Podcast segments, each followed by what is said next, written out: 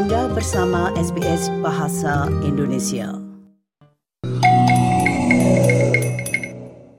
SBS SBS SBS SBS SBS This is SBS Radio. Jika Anda baru saja bergabung, Anda bersama SBS Audio program Bahasa Indonesia. Sekali lagi untuk memberikan saran masukan, Anda dapat mengirimkan ke indonesian.program at sbs.com.au atau kontak langsung kami di 0294303135 atau nomor lainnya 0399492208.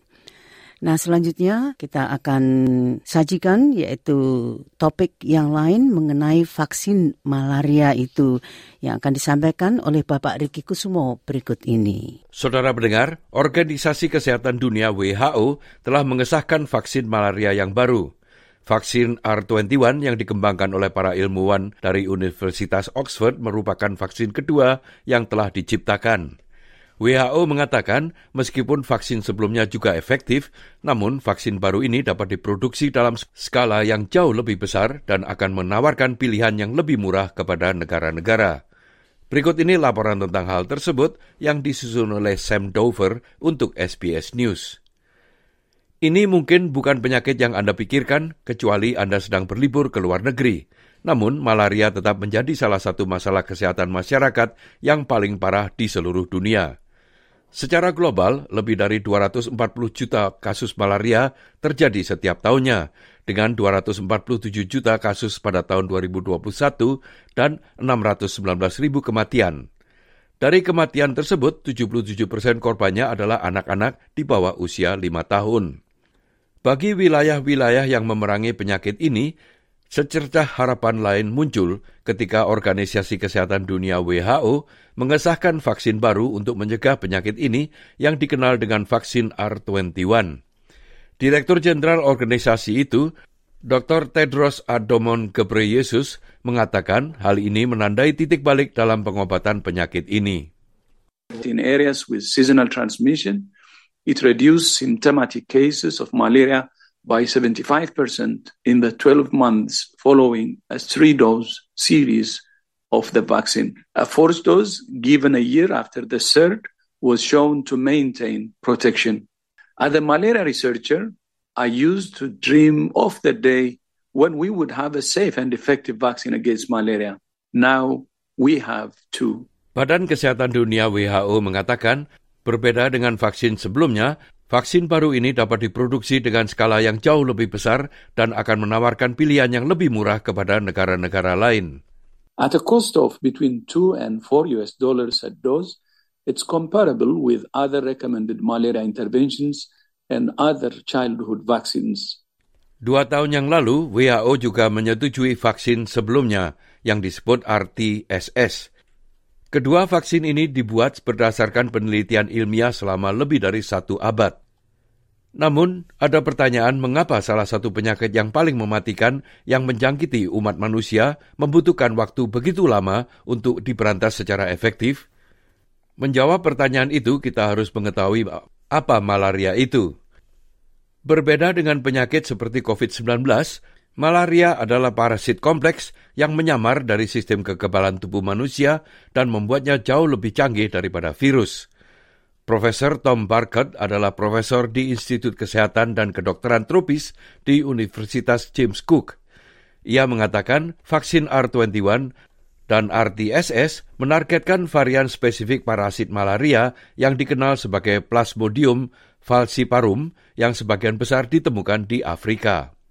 Most of the focus is on Africa because that's where most of the malaria there's five there's four or five different malaria parasites that can infect humans.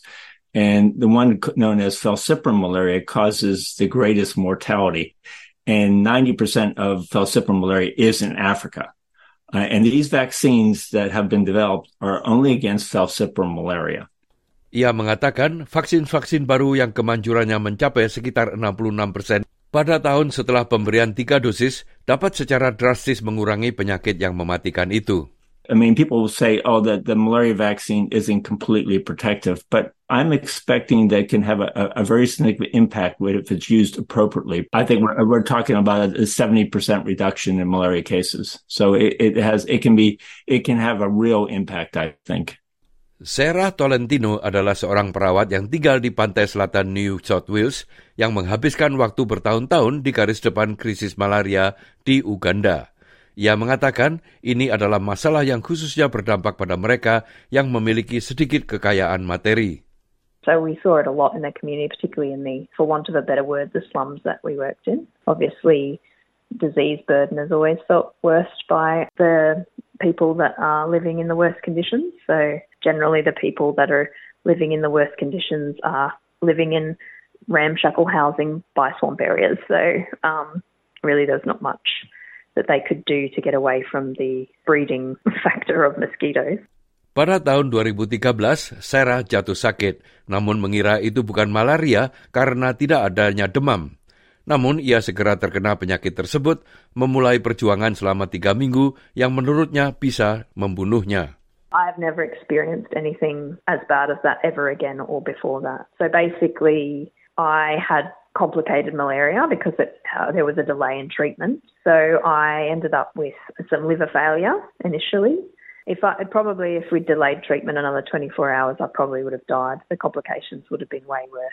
I would have ended up with cerebral malaria, and I'd and I'd be dead. There's no way I would have survived it. Setidaknya 28 negara di Afrika berencana untuk memperkenalkan salah satu dari dua vaksin malaria sebagai bagian dari program imunisasi nasional mereka. Perjanjian juga telah dibuat untuk memproduksi lebih dari 100 juta unit dosis vaksin R21 setiap tahunnya, dan para ahli mengatakan vaksin ini dapat membalikkan keadaan penyakit mematikan itu. Saat ini, vaksin R21 ini akan menyelesaikan prakualifikasi WHO yang sedang berlangsung yang kemudian memungkinkan pengadaan vaksin itu secara internasional untuk peluncuran yang lebih luas. Vaksin ini diharapkan tersedia di berbagai negara mulai pertengahan tahun 2024.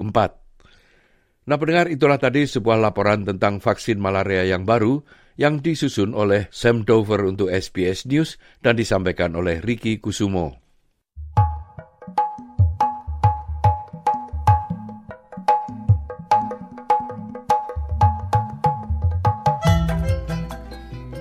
Nah itulah tadi Bapak Riki Kusumo dengan laporannya tentang vaksin malaria.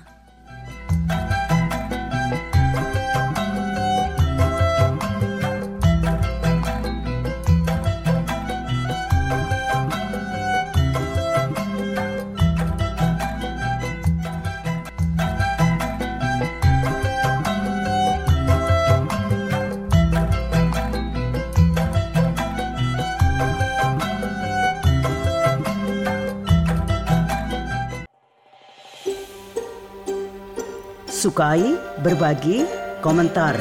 Ikuti SBS program Bahasa Indonesia di Facebook.